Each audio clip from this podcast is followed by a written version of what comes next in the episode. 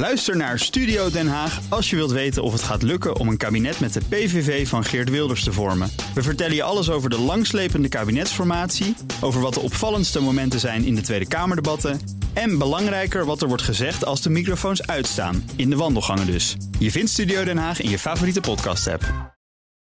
De column van Bernard Hammelburg. Respect voor de privacy is een groot goed. Maar in de strijd tegen de coronapandemie slaat iedereen op dit punt de plank mis. Artsen die de etnische achtergrond van hun patiënten niet mogen uitzoeken. De overheid die niet gericht jaagt op informatie uit de wijken met de meeste besmettingen. En politici die de degens kruisen over politieke correctheid.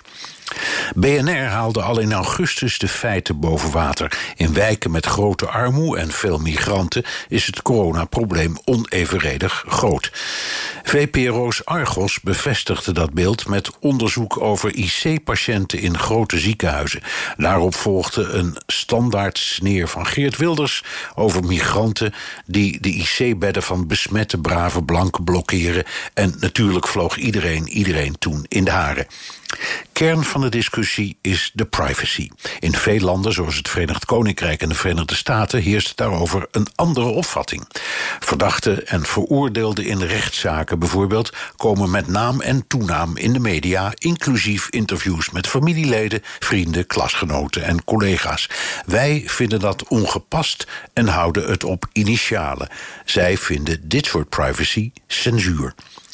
Dat anonimiseren is in Nederland ook leidend in de medische wereld. En ook daar zie je bij de Britten en Amerikanen het diametraal tegenovergestelde. Het medische tijdschrift The Lancet publiceert heel precies de etnische details van Britse coronapatiënten. De New Yorkse gezondheidsdienst verstrekt aan de media exacte gegevens over de achtergrond van alle patiënten, compleet met aantallen per postcode. Pandemie en privacy zijn als de polen van een magneet. Dat moet je nu niet hebben. Er zijn twee overtuigende argumenten: communicatie en eigenbelang. Als grote groepen mensen de boodschap van de overheid niet snappen, moet je in al die wijken letterlijk alle deuren langs om het uit te leggen. Dat ze geen Nederlands spreken mag Geert Wilders een schande vinden, maar uitleggen wat de coronamaatregelen zijn werkt echt beter dan een cursus Nederlands. Ik wil dolgraag dat een migrant in Amsterdam-West wordt behoed voor het virus. En daar zit het eigen belang, want als het coronavuur in zo'n besmettelijke wijk wordt gedoofd, gaat het met ons allemaal een stuk beter.